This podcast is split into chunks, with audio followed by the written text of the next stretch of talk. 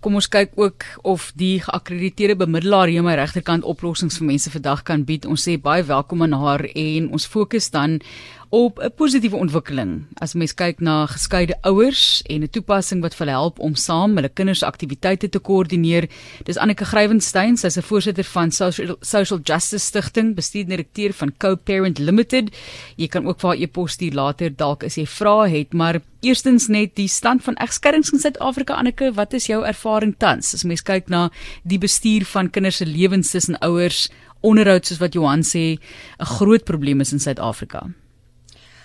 Ehm um, as jy kyk na statistiek Martelies, het ons eintlik nodig um, om 15 miljoen kinders op hierdie ehm um, toep te hê.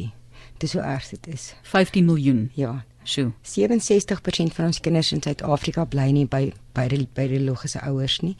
En dan ehm um, het ons nou nog ons ongetroude pare ook groot groot krisis eintlik en kom ons kyk hoe julle dit wil oplos. Waar kom 'n idee van 'n toepassing vandaan om aktiwiteite so te bestuur vir ouers, geskeide ouers? Wel as bemiddelaars werk ons op 'n daaglikse basis. Um, met die um, geskille, met die konflik in ouers en die toep is die eerste stap in 'n neutrale platform waar ouers kan begin om hulle eie probleme op te los. Dit gaan ook help met die howe dit gaan ehm um, baie van die geskille neutraliseer en dit gaan natuurlik dan beperk die frustrasies wat daar is wat lei tot gesinsgeweld, wat lei tot woede. Ehm um, en dit is een van die belangrikste goed wat ons aanspreek in die app. Um, met die gedeelde kalenders. Ehm um, dis 'n neutrale platform. Ouers hoef nie direk met mekaar te praat nie. Ehm um, dit word gedokumenteer. Ehm um, daar's 'n ehm 'n 'n filter in wat kritaal beperk. Um, dit is nie daai sielkundige ding um, as jy kyk um, as jy die boodskap begin tik um, waar dit dan van groen na oranje na rooi gaan. Sjoe. En en sielkundig gaan jy dan hooplik twee keer dink voordat jy 'n kritaal um, boodskap stuur. Ek moet sê ek het 'n uh, klomp kritaal geleer het ek nie geweet dit bestaan nie. ja. En dis wonder, dis wonderstel om dit te beperk so as daar ja. nog woorde is wat wat die app nie beperk ja. nie. Die woorde gaan nie deurgaan nie. Met wie het jy gewerk om hierdie toepassing te ontwikkel? Want ek meen jy's bemiddelaar, maar ek weet nie hoe goed is jou tegniese agtergrond of jou kode koderingsagtergrond nie. Nee, daar's ek heeltemal gestrem. Um, ek het geen agtergrond as dit kom um, by tegnologie nie. Ek het 'n wonderlike span agter my um, wat die ontwikkeling gedoen het. Hulle is nog steeds daar. Ons moet nog steeds baie ontwikkeling doen. Ehm um, die toep is nou beskikbaar in in Google Play.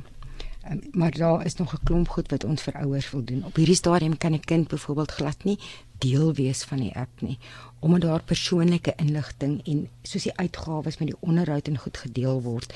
En ons voel dat kinders behoort nie um, by daai gesprekke by ouers blootgestel te word aan nie, nou dit moet ja. beskerm word ook op 'n ja. manier, ja. ja. Maar dan is daar iets anders. Ja. Ehm um, waar 'n kind kan 'n oomblik opsit.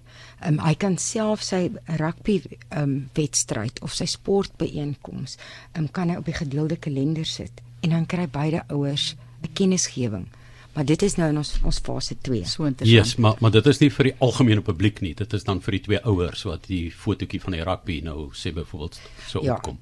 Ja, want mense met die kinders se regte ook beskerm in daardie opsig.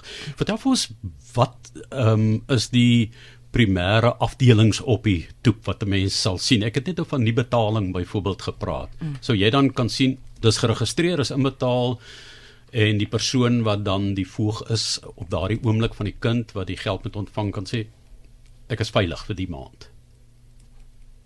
Dis 100% net soos jy sê. Maar wat wat is daar op wat okay. registreer wat dan klik?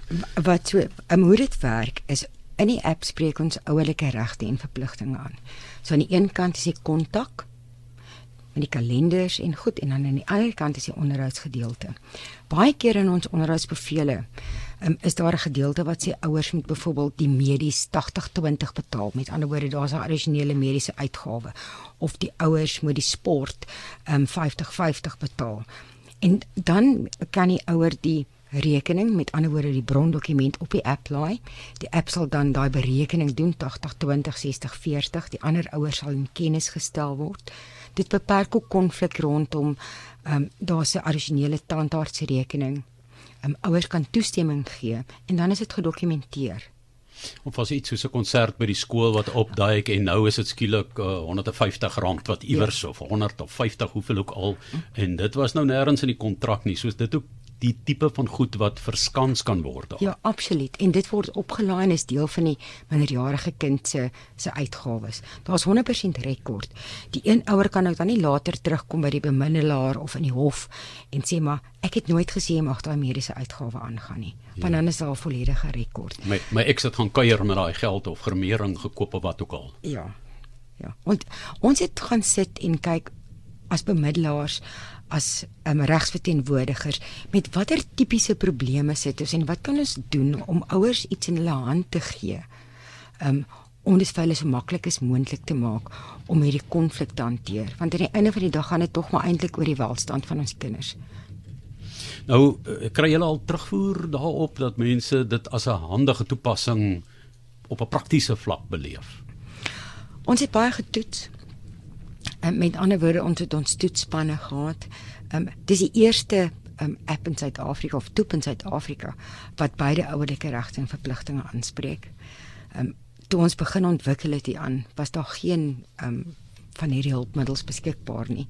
Daar is oorsee van ander van hierdie hulpmiddels beskikbaar, maar nie in Suid-Afrika nie. En dit kan mense eintlik uit die moeilikheid ook hou ten opsigte van hulle regsonspreeklikheid van die bindende ooreenkomste wat aangegaan is, want ek dink omdat mense baie keer in hierdie snel veranderde omgewing werk, vergeet jy baie goed of jy raak te besig in die week. O, ek het hier daai betaling gedoen of wat nie. So dit kan hulle help as 'n kontrole as jy onseker is om te gaan kyk waar staan jy in die middel van die maand byvoorbeeld. Absoluut. En jy kry kennisgewing. As ek byvoorbeeld as ma iets op 'n app sou sit dis 'n addisionele uitgawe. Daar is toestemming gewees. Ek sit die brondokument op um, as bewys dat ek wel die tandarts rekening betaal het en pa met sy gedeelte betaal. Um, dan gaan pa kennisgewing kry. En as die ma dan nie teruggaan en sê maar ek het die betaling ontvang nie, sal pa weer 'n kennisgewing kry om te sê ons herinner net um, daai betaling is nog uitstaande en natuurlik ook ook andersom. En en die belangrike deel van dit is um, deur die app kan hierdie onderhoudspligte en verpligtinge en agterstallige onderhoud nou deel raak van mense se kredietprofiele wat nooit van tevore in Suid-Afrika gedoen is nie.